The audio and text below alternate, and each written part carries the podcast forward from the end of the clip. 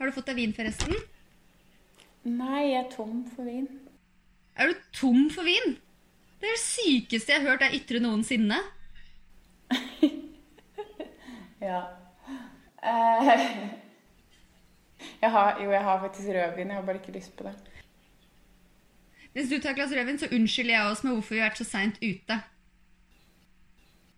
Dina er og finner seg et glass rødvin fordi hun har ikke vin med seg. Og la oss være ærlig, denne podkasten krever som regel et glass vin.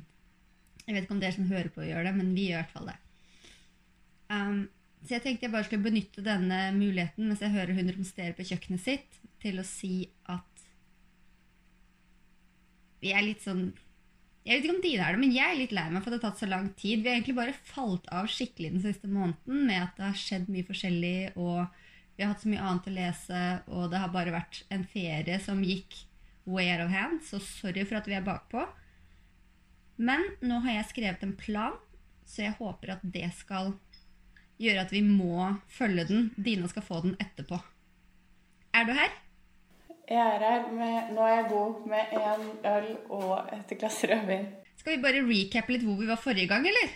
Vi sluttet med at Swan hadde en annen greie hvor han hele tiden eh, fant middelmådige tilbøyeligheter hos kvinner og gjorde, snakket om de som positive egenskaper. Sånn som at vi trenger vin til å podkaste?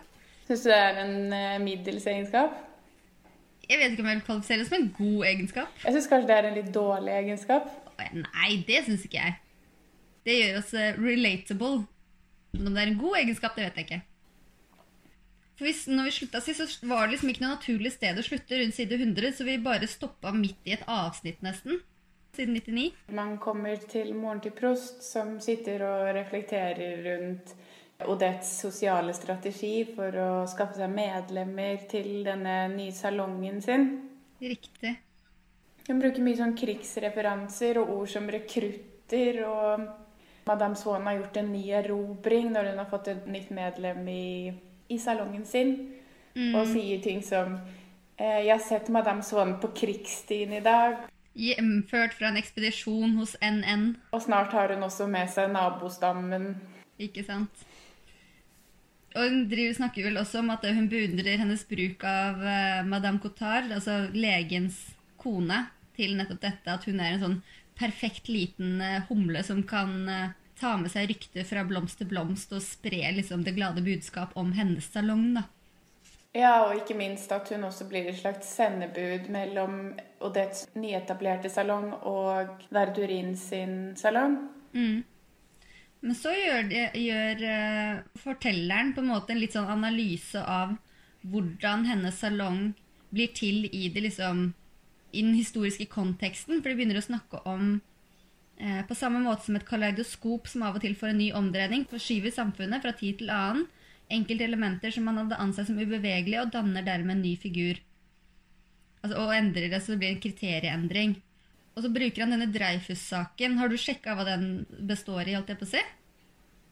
Ja, altså, Sånn jeg har forstått det, så er den Dreyfus-saken egentlig litt senere. Men, men, det den gjorde, var jo at fordi det var en, eh, en jødisk eh, konstabel eller et eller annet sånt noe, Offiser, som ble dømt for landsforræderi Offiser? Ja. Jeg vet ikke hva forskjellen er. Eh, Som ble dømt for landsforræderi i 1894. Han ble dømt urettmessig, og når det da til slutt kom frem hvem som hadde gjort det, og at den franske hæren hadde, hadde dekket over bevis, så ble det jo selvfølgelig en superskandale politisk sett i Frankrike. Og det var også en skandale som delte den franske befolkningen i to politisk mellom de som var støttespillerne til Dreyfus, og de som var imot han. Så jødene mistet posisjonen sin da, i samfunnet. Nydelig sitering av Wikipedia der. Jeg tror jeg leste en artikkel rett før, jeg også. Ja, nei, altså, jeg prøvde jo meg på en sånn derre Er det noen som har lyst til å gi meg litt matnyttig informasjon om Dreyfus-skandalen på Instagram? Men det var liksom ikke noe å, hente der, så da, da ble Hvor det er engasjementet rundt Frankrike 1890? Men det er veldig morsomt, eh, det kommer jeg til å ta opp litt etterpå også, med det med at han trekker frem jødene som en sånn trope igjen.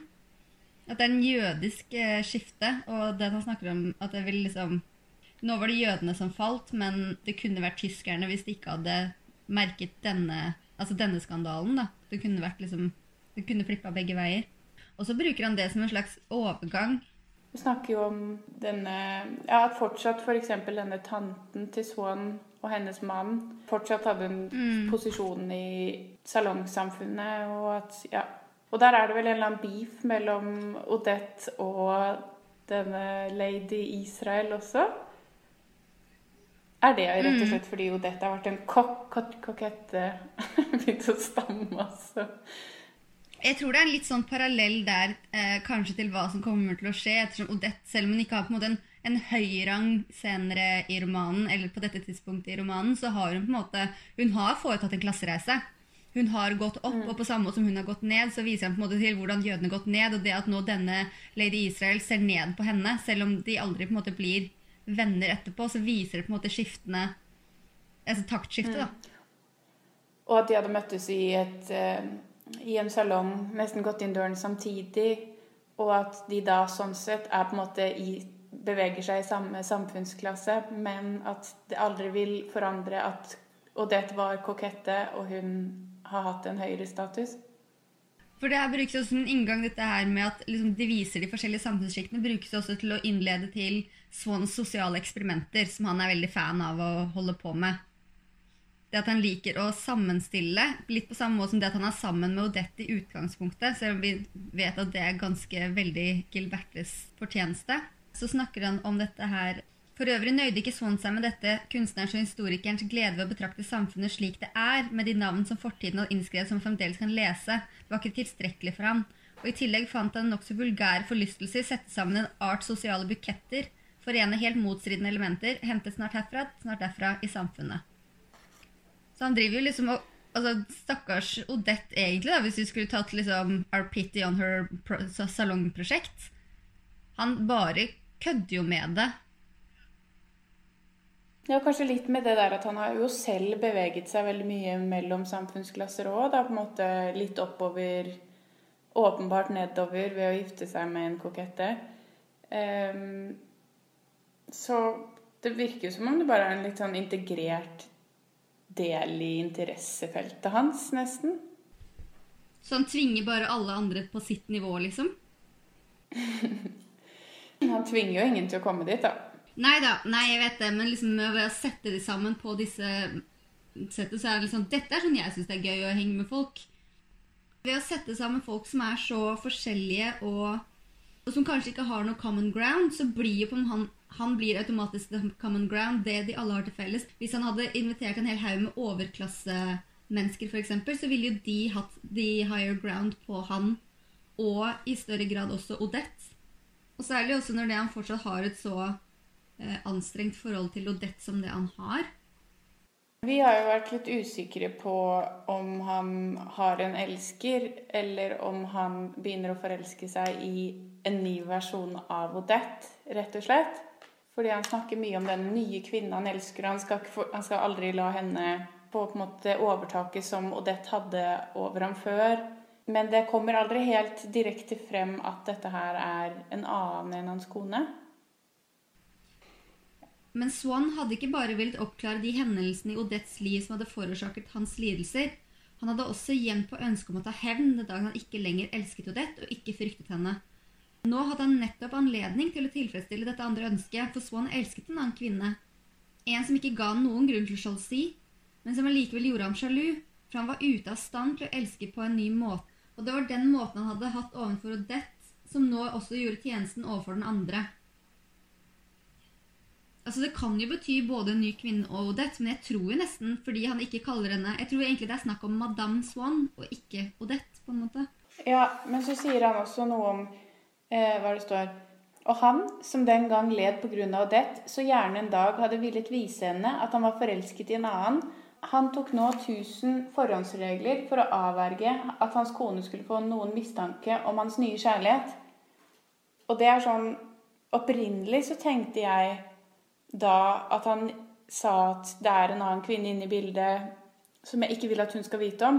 Men så var det du som snakket om at det kan jo også være at han ikke vil at Odette skal ha inntrykk av at han nå igjen har på en måte falt for hennes sjarm og, og hennes påvirkningskraft over han da. Fordi han er ikke sjalu på den nye. Altså, fordi Etter hva som kommer frem av disse neste hundesidene, han er jo ikke, han har jo ikke noe sjalusiforhold ovenfor Madame Swan. Altså Mm. Odette som sin kone.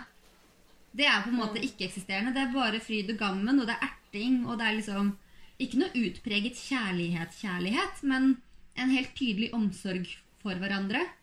Men hun tilbringer jo ekstremt mye tid hjemme, da, mens da han var forelsket i henne sist gang, eventuelt, var det så mye tid hvor han ikke ante hva hun holdt på med, og hvor hvis han hadde vært litt mer, eh, litt bedre på å tenke seg om, kanskje hadde forstått at hun nettopp var med andre menn.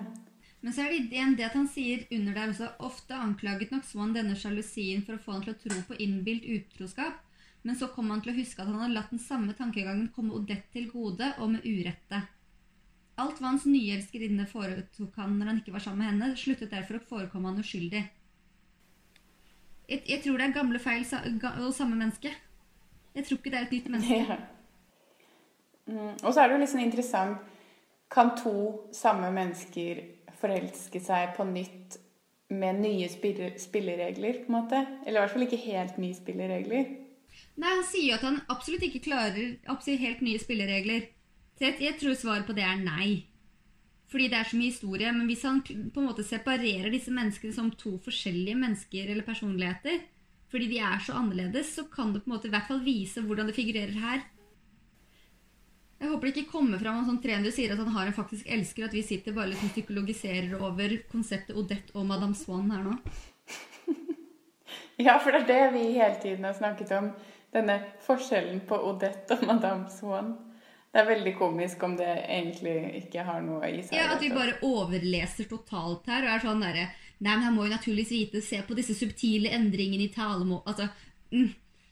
Og så er det literally ei anna som bare heter sånn derre Madame de Whatnot. Det hadde vært sykt morsomt hvis det var damen i rosa silke og perler.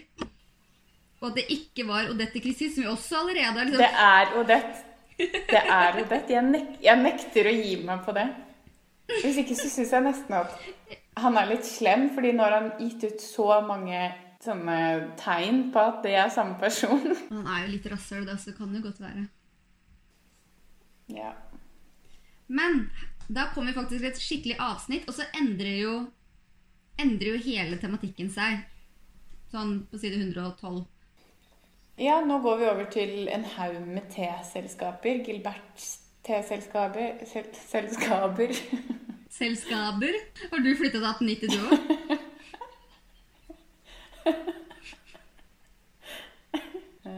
Gilberts teselskaper og Odettes teselskaper. Og da begynner han med noe som jeg bare er sånn Altså, det er så mye blomster. Bare at nå har han flytta blomstene utenfra til innenfra. Det er siviliserte blomster denne gangen. Det er ikke ville utenforblomster, det er siviliserte, dannede innenforblomster. Ja, og han er ikke like enerverende når han snakker om de som når han snakker om hagtorn. Det, er- det, er noe, det er noe med skjerpede omstendigheter rundt blomsterskildringene, er det ikke det? Det er absolutt det. Uh, men jeg tror også det er fordi at det er akkurat her vi er liksom, Nå har vi kommet til siviliserte, dannede, normer. Han er invitert inn, og det er også blomstene. Og da blir de mer sånn oppstyltet og ålreit. Altså, han hadde jo aldri sammenlignet hagetornen med et menneske. Nei, og så Hva tror du det har å si, det at han gir blomstene en såpass levende eh, rolle i denne delen? Og at boka heter eh, 'I skyggen av piker i blomst'. Så det, helt, det skal være en helt tydelig sånn menneskelig oppblomstring. Men også så har på en måte blomstene fått en levende posisjon. Jeg er ikke helt sikker, for å være ærlig. For dette her, altså, I denne delen så virker det som det er eh, piker i skyggen av blomster i blomst. Kanskje det bare er en sånn eh, oppvarmingsfase. Skal vi bare lese den delen? Jeg møtte først bare en tjener som førte meg gjennom flere store stuer, før han slapp meg inn i en som var ganske liten og tom, der vinduene allerede var begynt å drømme i lyset fra en blå ettermiddag. Jeg ble sittende alene i selskap med orkideer, roser og fioler som, lik mennesker som venter sammen med deg uten å kjenne deg, bevarte en taushet som deres særegenhet som levende vesener gjorde enda mer gripende, samtidig som det kullskjæret tok imot varmen fra et brennende bål av kull, fornemt anbrakt bak en rute av krystall, i en beholder av hvit marmor der flammen av og til fremkalte små skred av farlige rubiner. Er de tilskuere, eller er de, er de kvinner altså For han bruker også uanstendig mye tid på å forklare hvordan kvinner kler seg. Vi snakket jo om det i en av de tidligere episodene, men når han ser tilbake på denne byen fra, i navnet, når han snakker om liksom, hvordan folk kjolestiler endrer seg, folk kler seg ikke like vakkert altså, Dette her er jo på en måte en gullepoke i hans liv. At disse blomstene kanskje er en del av det. Det er på en måte statistene like mye som kvinnene i gatene. da. Han kritiserer jo moderne hjem, altså på deres tid, da, for å bruke blomstene helt feil, med bare en, rose i en tynn vase, f.eks. Og det at Odette tidligere har hatt den, dette kokettelivet, hvor hun levde i et hus med masse sånne rare gjenstander og blomster og planter, og veldig, sånn, veldig sånn eksotisk hjem på et vis. Kanskje er det en del av Odettes gamle liv da, som blir tatt med inn i salongen?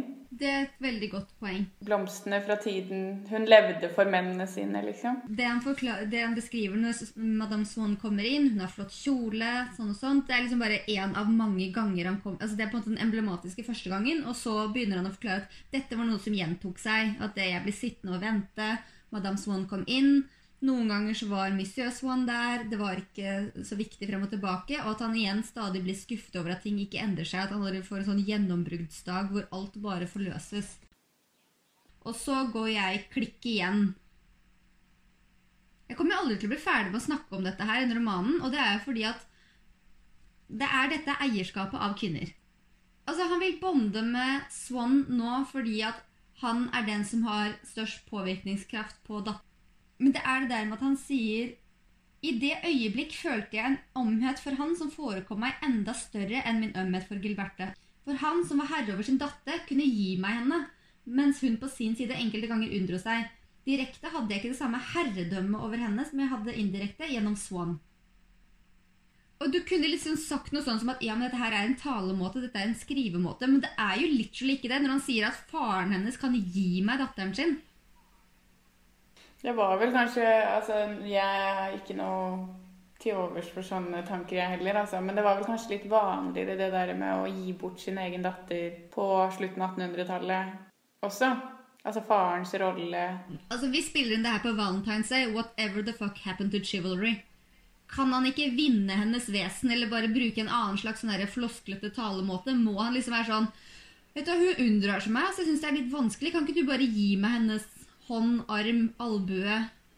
Du tenker at, hun, at, han kanskje kunne målbundet henne litt mer sånn som Askeladden gjør i eventyrene? Ja, what liksom? the fuck? Altså, selvfølgelig Bare et eller annet, liksom. Vær litt oppmerksom. Vær litt ålreit. Ikke vær sånn derre Å, hun skjønner meg ikke, men jeg har aldri sagt noe til henne. Å, men det er vanskelig. Hun burde skjønne at jeg skjønner at Altså jeg, jeg, jeg blir litt irritert. Han er jo en drittunge. En skikkelig drittunge. Du hadde ikke valgt ham til å inngå veldedige formål sammen med? Jeg sier bare 'swipe left'. Thank you, next. Det går vel videre til et parti om kunstkritikk. Odette spiller Vintuels sonate for eh, Marcel for første gang. Og han snakker om det der med at det første du forstår og liker i et kunstverk, ofte er det du går fortest lei av og at det det tar lengre tid for deg å bli glad i, er også det du er glad i lenger. Jeg synes også det var morsomt det med at han, han sa at første gang du iakttar noe eller hører noe, så er det ikke det at du ikke forstår det. fordi hvis du ikke hadde forstått det, så hadde du da når du så det eller hørte det andre gangen, også gjort det som en slags første gang. Men at det er heller erindringen, som man jo setter så høyt, enn du tar med deg inn gang nummer to, gang nummer tre, som gjør at du på en måte får en, eh, en mer sofistikert måte å konsume verket på, da. Snakker han om eh, det med originalitet, som jo har vært snakket om tidligere i forbindelse med Bergot spesielt. Det der med at originalitet fordrer en avstand før man kan verdsette det som kunst, og at kunstverket, eller i hvert fall kunstneren, skaper sin egen ettertid. ved å være original, da. Og, og på en måte, hva er det han sier, kaste det så langt inn i fremtiden man klarer. Men så begynner han med dette horoskopet, og det syns jeg var litt interessant. Når han snakker om eh, alle ting ser like ut i det fjerne, så sier han at eh, i kraft av denne illusjonen som lar alle ting se like ut i det fjerne, er det riktignok lett å forestille at alle de revolusjoner som hittil har funnet sted i malerkunsten og musikken, følger en viss lovmessighet. Eh, mens det vi står umiddelbart ovenfor, virker kjempeoverrumplende og nytt. Eller fordi man allerede har integrert det som har skjedd for lenge siden, inn i en nåtid, i en ettertid. Og derfor er det vanskelig å forstå hva som både gjør ting store her og nå, og hva som kommer til å gjøre ting hva som kommer til å bli stort i ettertiden. Og sammenligner det med å få et horoskop over hele ditt liv. Litt raus er han også med i, det, i denne sammenheng fordi at han sier at Eh, man kan være genial og samtidig ikke ha trodd på en fremtid for jernbanen eller flyvemaskinen. Og så en dag sier Madame Swan Du har ikke lyst til å møte Bergot, da? Og Marcel freaker ut. Men før han skal få lov til å gjøre det, så prøver han å overtale sin fan Nei, sin fan. Det er ikke riktig ord. Han prøver å overtale sin far, som ikke er fan for øvrig, uh, om at jeg trenger et visittkort, men det må stå Mister på det, fordi Mister er fancy, fancy og engelsk, selv om jeg ikke kan engelsk. Og dette her hadde vært veldig bra for meg og min selvfølelse. Og jeg trenger det til denne middagen, hvor jeg skal etterlate kortet mitt hos Bergot, fordi Bergot liker swans. Og så møter han Bergot og blir kjempeskuffa. Fordi Bergot er ingenting i nærheten av det han har sett for seg, og Bergot har en svær nese midt i ansiktet som ligner på et sneglehus, og flippskjegg, og han er ja, bare vemmelig. Fylt med blodkall, knokler og lymfekjertler. Ja, jeg syns det var morsomt at han skrev eh, med utgangspunkt i dem, og da mener han altså tekstene til Bergot, ville jeg aldri ha kommet frem til denne nesen som hadde form av et sneglehus men med et utgangspunkt i nesen som ga inntrykk av å være likeglad med det hele, og sto der midt i ansiktet som en ensom rytter, ble jeg ledet i en helt annen retning enn Bergots verk. Han sliter i det hele tatt veldig med å få fysiognomien til Bergot til å gå sammen med kunsten. Han bruker tre sider på det. Men jeg synes også at det han på en måte konkludere med på et vis, om at uh, Bergot ikke er helt Bergot når han sitter i samtale med han på dette teselskapet, for så vidt er et ålreit poeng. Og så gjør han seg en bemerkning som jeg syns er veldig deilig å høre. Hans verk forekommer ikke lenger uunngåelig. Og jeg måtte spørre meg selv om et verks originalitet virkelig innebærer at de store forfatterne er guder som hersker i hvert sitt rike, et rike som tilhører dem alene, eller om det, alt dette ikke er en god del spillfekteri og om forskjellen mellom verkene ikke skulle være et resultat av arbeid, snarere enn uttrykk for en virkelig vesensforskjell mellom de enkelte personligheter. Ja, tenk så forferdelig det ville vært hvis kunstnere var håndverkere. Stakkars verden hvis det krevde øvelse å gjøre noe bra. Men etter han på en måte har eh, slått seg til ro med at Bergot høres ut som en som imiterer Bergot, og ikke som på en måte denne store forfatteren som han er så glad i, så klarer han på en måte å finne ut eh, Eller på en måte ikke miste denne opphøyelsen av favorittforfatteren sin, da. Og så kanskje han også liker det at Bergot åpenbart er litt kritisk til Nordpoa. Ja. Det syns i hvert fall jeg var forfriskende. Særlig påfallende er det jo den kontrasten mellom Nordpoa og Bergot når de begynner å snakke om Fedra. Den første gangen eh, Marcel treffer Bergot, så forteller han han at han har vært og sett La Berma spille i Fedra. Og eh, da blir det en slags meningsutveksling om hva som er bra og hva som er dårlig med dette stykket. Hvor de heller ikke er helt enige, på samme måte som når Ba og Marcel ikke var enige. Og så har han hengt seg opp i én spesiell ting som han ikke har nevnt for oss tidligere i romanen, for det har vel ikke vært relevant, men Eh, jeg sa at jeg hadde likt denne grønne belysningen på scenen i det øyeblikk Fedra hever armen.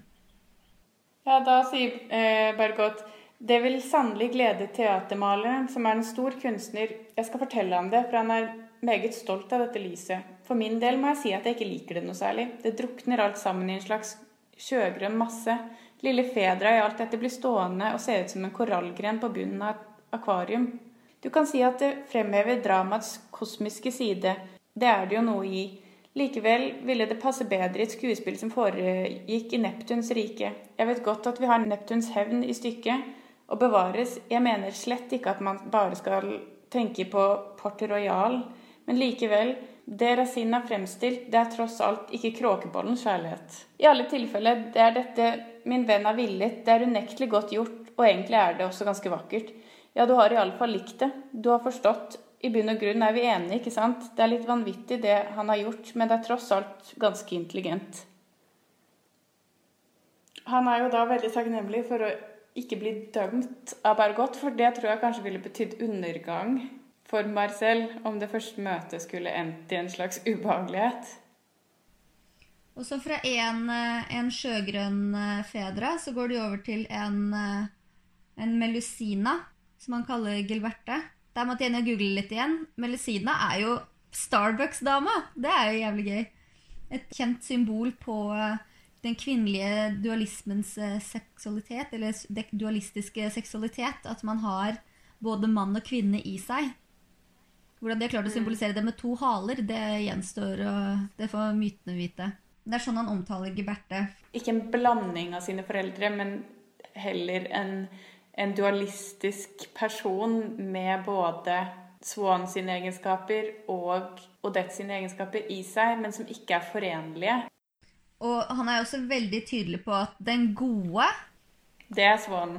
Den slue, frekke, slemme, ufyselige, det er Odette sine. Men også den han syns er ganske besnærende, spør du meg. Helt klart den han syns er mest besnærende. Han snakker også om at det, liksom, at det også er helt fysisk. Og han bruker det som en god overgang til å snakke om far og datters bånd. Hvor høyt faren elsker henne, hvor elskverdig hun er mot faren. Jeg vet ikke om han da implisitt sier at, han, at hun ikke har et så godt forhold til moren. Nei, men det, fordi det har man ikke fått noe særlig inntrykk av. Nei, altså Forholdet til moren generelt føler jeg at vi, at vi ikke har så mye inntrykk av. Det er liksom My Little Doll, My mm. Little Darling. Eventuelt det at, mm. uh, at Madame Swan gjør henne litt mer barnslig enn det hun trenger å være. Mm. Men den, den, glade og gode delen av Gilberte er jo veldig glad for at hun, han og Bergot har blitt venner. Det er nå han sitter på hjem med Bergot sin hestevogn hvor Bergot sier Våre venner har fortalt meg at du ikke er videre sterk. Det var trist å høre, og til tross for det synes jeg ikke altfor synd på deg. For jeg ser godt at du er i stand til å nyte intelligensens gleder. Det er ikke Marcel helt enig i. Akk. Hvor lite treffende følte jeg vel ikke at det var for meg, som forholdt meg likegyldig til enhver tankeutvikling, så opphøyd den enn måtte være, og som bare var lykkelig når jeg kunne slentre omkring og føle velvære. Jeg skjønte i hvilken grad det jeg strevde etter i livet, var noe rent materielt, og hvor lett jeg kunne klare meg uten åndelige sysler. Jeg har så lyst til å si hashtag sjæl, men så sitter jeg her og leser prost og diskuterer med deg, så vet jeg liksom ikke hva slags motstridende Dette er min melusina, da. Ja, men på den annen side så sitter vi jo her som to forbanna amatører, da. Bruker Wikipedia for å forstå hva vi snakker om, så jeg tenker enig. Men det fine med han, da altså Det her er der jeg virkelig liker eh, liker Marcel, det er jo når han sier da til Bergot, etter å ha tenkt dette høyt, så det holder han ikke bare kjeft, han sier Nei, monsieur, intelligensens glede betyr svært lite for meg, jeg vet ikke engang om jeg noensinne har kjent dem. Han er ærlig, det skal han ha. Det er vanskelig for å tenke meg. Der tar du nok sikkert feil, det er iallfall mitt inntrykk. Han overbeviste meg slett ikke. Likevel følte jeg meg mer tilfreds, mindre hemmet. Det, det er mitt goal in life føler deg mer tilfreds, mindre hemmet. Han foreslår jo også at eh, Marcel eh, bytter lege, fordi Cotard er altfor lite opptatt av lesningen av Shakespeare i, sine, i måten han helbreder sine pasienter på. Nå syns jeg dette begynner å nå et så snobbete nivå at jeg tenker Vil jeg dette her? I 3500 sider? Vi snakket jo litt om det, jeg og du, hvordan vi egentlig vil at legene våre vi vil jo bare komme dit, si 'dette feiler meg', fiks det. Jeg har faktisk hatt begge deler. Du har det? Ja, jeg har hatt en fyr som jeg pleide å diskutere Dostojevskij med. Han diskuterte Dostojevskij med meg, for jeg hadde ikke lest den boka han snakket om. Legen min kaller seg selv for livlegen, så Men vi er i hvert fall helt enige med altså Det er sjelden vi sier det, men her er vi helt enige med Marcel. Vi vil ikke ha en lege som skal diskutere Shakespeare og fucke med huet ditt. Vi vil ha en som kikker på magen din, kommer med en, eh, en kunstnerverdig bemerkning om at 'dette er det som feiler deg'. Flott, det hadde jeg ikke noe kunnskap om. Move on. Så han tar jo faktisk ikke dette her for god fisk i det hele tatt. Men Bergot begynner å snakke masse dritt om Odette, sånn som alle andre i denne Mm. romanen gjør. En som kunne trenge en god lege, er vår venn Swan, sa Bergot. Og da jeg spurte om han var syk Syk og syk. Det er en mann som har giftet seg med et ludder, og som hver dag må svelge et utall fornærmelser fra kvinner som ikke vil motta hans kone, eller menn som har ligget med henne. Man kan se det på munnen hans. Den er blitt helt fordreid. Og så kommer han hjem, som han pleier å gjøre. Klarer ikke å holde kjeft om en dritt. Forteller hvem han har vært sammen med. Og foreldrene går i klikk fordi, en, fordi de syns Bergot er en idiot. Pappa er jo min quote-maskin. Jeg elsker han. Og igjen et akk. Akk da jeg hadde tilføyd han slett ikke næret noen beundring for monsieur Norpa. Selvfølgelig ikke. Det viser bare hvilken falsk og ondsinnet person jeg er. Min stakkars sønn, du hadde ikke så mye forstand fra før. Det gjør meg vondt å se deg havne i et miljø som kommer til å frata dine siste åndsevner. Han hadde fortalt ham at han var intelligent. Ja, det er jeg da glad for. Han er en talentfull person. Så de syns han er et ræva menneske, men en god kunstner, og at de anerkjenner sønnen hans, er da et minste en fin ting. Og så kommer Bloch med flere fordervede handlinger. Holdninger, ikke handling, begge deler. Holdninger og handlinger. viser han bordellet for første gang, hvor man kan ta det skjønne i besittelse. Jeg begynte å tenke sånn, Han har snakket så mye om det sanne og det skjønne, men ikke det gode. Eh, vi kan i hvert fall ikke ta hans moralske dilemmaoverveielser her med god fisk, for her måtte jeg legge fra meg boka. Det er så absurd. Altså, det er liksom hvor, hvor, hvor tar han dette her fra? Hele greia er Han har for lite plass hjemme. De har noen stygge møbler på bordellet. Han sier dere kan få noen av meg. Tanta mi har daua. Men så snart jeg gjenfant dem der hvor disse kvinnene brukte dem, var det som om alle de dyder man innåndet i rommet til min tante i Combré, ble torturert gjennom den grusomme kontakten de var forsvarsløst utlevert til. Jeg kunne ikke ha lidd mer om jeg hadde latt noen voldta en død kvinne. Hva faen? Det han basically sier, er at uh, jeg har lagt fra meg tante Leonie i dette bordellet, og dere puler liket hennes. Det er det sjukeste jeg har hørt. Og så går det over til noen litt incestiøse greier mellom han og kusina hans. Da tenkte jeg sånn, ok, nå... Ja, altså Det avsnittet her er jo bare helt vilt. For øvrig, da vår erindring vanligvis ikke viser oss våre minner i kronologisk orden, ja, vi vet det, Madeleine, men som et speilbilde der delenes rekkefølge er blitt snudd om, husket jeg først mye senere at det var på denne samme sofaen jeg mange år tidligere for første gang hadde smakt kjærlighetens gleder med en liten kusine. Jeg visste ikke hvor jeg skulle gå med henne, og det var hun som ga meg nokså farlige råd om at vi skulle benytte anledningen mens tante Leni var ute av rommet sitt en stund. Så hva slags dyder det var i rommet til tante Leni i Combré De døde for mange år siden, så ikke ha dårlig samvittighet for at du gir dette her til et horehus. Og han bidro ikke med det, i hvert fall. Og så etter det så selger han sølvtøyet sitt for å kunne sende blomster til Madame Swann. Det er jo litt søtt, da. Han selger sølvtøyet til tanta si. For å gi blomster til en voksen dame. Hvis vi først skal snakke om liksom luddere og horer og at ting blir besudlet, så kan du kjøpe ferske blomster til disse, men du kan ikke gi en slitt sofa til et horehus. Vi går videre. Nei, han klarer i hvert fall ikke å jobbe. Foreldrene anklager ham for å være litt doven. Han prøver å sammenligne å være i middag med Bergot som en slags eh, del av jobben. Men det kan han jo ikke, for han sier at like umulig som å formode at man kan få god helse ved å bare spise middag med en lege, kan man skrive ved å være sammen med andre som kan skrive. Og så bare ignorerer han glatt det at han ikke skriver, og går rett tilbake til Gilberteland. Fordi Gilbert begynner å bli litt avvisende. Han er jo tilsynelatende hjemme hos dem hver dag. Han er jo det. Det sto jo på denne siden at jeg unngikk å gå ut i utenrikstjenesten, sånn at jeg kan være sammen med Gilberte. Det er unektelig noe litt sånn kvelende med det hele. No shit. Eh, og det blir såpass ille at moren får, han, får, henne til å holde seg hjemme fra sine egentlige geskjeftigelser for å være sammen med han, og da klikker hun jo. Selvfølgelig syns du selv at du er hyggelig, og lo lenge. Men jeg sa til meg selv at latteren tross alt ikke er et så definert språk at jeg kunne være sikker på å virkelig forstå den. Jeg er ganske sikker på at du bare kan tolke dette her på den mest umiddelbare måten som faller deg inn. Og så kommer hun med en sånn bemerkning etter at de liksom har liksom sittet og knuffa litt eh, frem og tilbake. Så sier hun sånn 'Jeg har virkelig vært glad i deg. Det skal du en dag få merke.' Det er sånn Er det en sårhet, eller er det en trussel? Og så bruker han dette her som en sånn Det at han skjønner at han er ikke elsket, han er ikke ønsket. Det bruker han til å liksom gå inn i en sånn mer sånn generell betraktning om det å være ungdom og det å være menneske i denne situasjonen. Jeg var på vei inn i en av disse kriser som vi står overfor ved gjentatte anledninger i livet, og som vi forholder oss til på en ny måte hver gang, dvs. Si for hvert alderstrinn, uten at det, dermed, at det, derfor forandrer karakter eller natur. Og så diskutere om måte, hvilke drivkrafter i mennesket som eh, står kommer på banen. da. Altså det med å ikke ville irritere, ikke ville være vanskelig, men samtidig det å gjøre seg eh, sett og hørt og ønsket på en eller annen måte.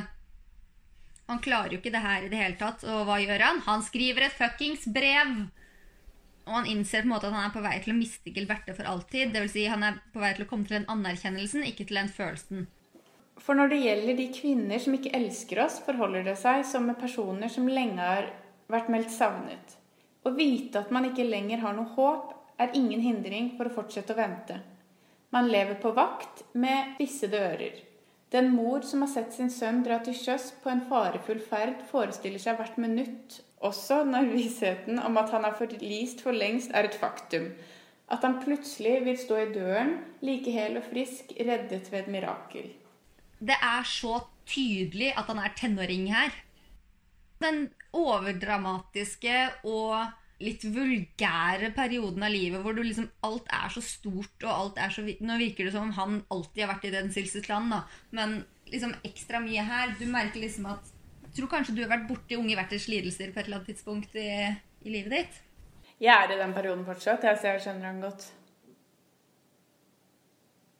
Og da skal vi videre til blomster og drivhus og vinterhager. Vi skal til samovaren og blomster igjen. Masse, masse blomster. Og blomstene var levende i større grad enn i boken. Hvis man kom på besøk hos Madame Swann, ble man nesten forlegen over å se at hun ikke var alene, eller hvis man kom hjem sammen med henne, over å finne at stuen ikke var tom, i den grad opptok disse blomstene en hemmelighetsfull plass i vertinnens ukjente liv. De ga inntrykk av å være satt der for gjestenes skyld, men var noe hun liksom hadde glemt igjen der. Og man fornemmet hvordan Odette hadde hatt, og fremdeles ville ha, spesielle samtaler med dem. Samtaler som hun var redd for å forstyrre, og forgjeves forsøkte å tyde. Ved å feste blikket på parmafiolenes oppløste, utflytende bleklilla. Bleklilla er liksom hennes farge. Men jeg føler kanskje Kanskje er rosa Odettes farge og bleklilla Madame Swans farge. Nå er du god, din amor. Når vi først er i gang med å gjøre de til to personer. Vi begynte med at kona til dr. Cotard er et slags sånn, en løpegutt mellom Verdurins salong og Odettes sin salong. Her har jo Verdurin, som tidligere var vertinne, blitt gjest og er med inn i salongen til Odette. Og så er det en slags sånn salongbiff, hvor eh, de f.eks. spesielt Verdurin da, hele tiden kaller Odette for Odette Crissy. Og jeg kom til å glemme at du er Madame Swann. Jeg tenker hele tiden Odette Crissy. Mens denne tredje personen som er her, Bontemps, hun har en litt sånn merkelig rolle. Mm. Men hun er på en måte Hun er en key player allikevel for historien sin del, om ikke mellom disse. Fordi hun er jo tanten til Albertine. Og nå vet jo ikke vi hvem Albertine er ennå, men vi vet jo at hun er viktig. Etter alt å dømme er like ufyselig som Gilbert. Om ikke et hakk over. Og det sier jo tanten også. Det skjer jo en gang iblant at madame Verdurin kommer til Odette. Bruker du også til et sted for å gjøre litt faenskap mot Odette? Ja, disse blomstene hennes og sånn? Ja, for eksempel. Ikke sant? Igjen, Da kan vi dra en ny linje da, til det at hvem hun omgir seg med. Blomstene hun er feil. Altså, Det er jo en ny sånn greie. Altså, dette her er på en måte bare en samtale som Marcel sitter og overværer, egentlig, eh, mens han er hos Odette og unngår Gilberte. Og så skriver han helt til slutt, der hvor vi har valgt å stoppe. Men overfor meg selv, for å holde motet oppe, antydet jeg bare en siste kraftinnsats på et par dager. Jeg sa til meg selv dette er siste gang jeg avslår å treffe henne. Neste gang sier jeg ja. For å gjøre adskillelsen mindre vanskelig å gjennomføre, unnlot jeg å betrakte den som definitiv, men jeg følte godt at den ville være det. Er dette her vårt siste virkelige innblikk inn i Swans? Nei, det tror jeg ikke, fordi at eh, Eller dette er helt ukvalifisert gjetning, men han og Swan kommer til å utvikle et nærere og nærere forhold. Det må de nødvendigvis gjøre for at han skal kunne ha så eller, altså Nå har vi jo snakket om tidligere at det er vanskelig å forstå hva som er forteller, og hva som er Marcel. Mm. Men det har vært hintet om at de to blir gode venner etter hvert. Mm. Men jeg lurer på om dette her er siste, en siste sånn krampetrekningen av det man kan driste seg til å kalle kjærligheten mellom Gilberte og Marcel? Jeg er ikke helt sikker. Altså, hvis det er én ting Marcel har vist oss, så er det at hans evne til å overbevise seg selv er avsindig dårlig. Eh, jeg tror han kommer til å sitte og vente på det brevet en stund. Dette var kanskje den mest definitive stoppen vi har sett i en fortelling, på en måte. Det er avslutning. Det er helt tydelig liksom, på slutten av året. Han sammenligner det med når hun var borte vinteren før. Altså, det er sånn nå er det jo bare 30 sider igjen til vi er inne i neste del, som er Balbec. Så det er jo tydelig at han kommer til å reise vekk. Og det vil jo sette et, om ikke definitivt, så et midlertidig punktum i denne besettelsesrelasjonen. Vil du si noe om hva du syns var gøyest dette partiet? Nei, altså Jeg begynner å få et kjempestort hjerte for pappa. Mm. Pappa er kjempemorsom. Eh, og hvis jeg hadde vært mer grotesk enn det jeg var, så hadde jeg syntes at sammenligningene til Prost var morsomme, men jeg syns bare de er helt vanvittige. Altså, han har jo noen veldig vakre partier også her, som er bare sånn derre Nå, nå leverer du i mitt filter. Dette her er flott. Men det var en veldig ujevn 100 sider. Men en teori krever å bli uttrykt til ende. Og etter dette minutts irritasjon, mens han pusset monokkelglasset, fullendte Swan sin tanke med disse ordene som senere skulle fortone seg for meg som et profetisk varsel som jeg ikke visste å rette meg etter. Men faren med denne type kjærlighet er at kvinnens absolutte underkastelse et øyeblikk beroliger mannens sjalusi, men gjør den også mer fordringsfull. Han ender med å la sin elskerinne leve som disse fangene som blir opplyst natt og dag, for å bedre kunne overvåkes. Og det ender som regel med et drama.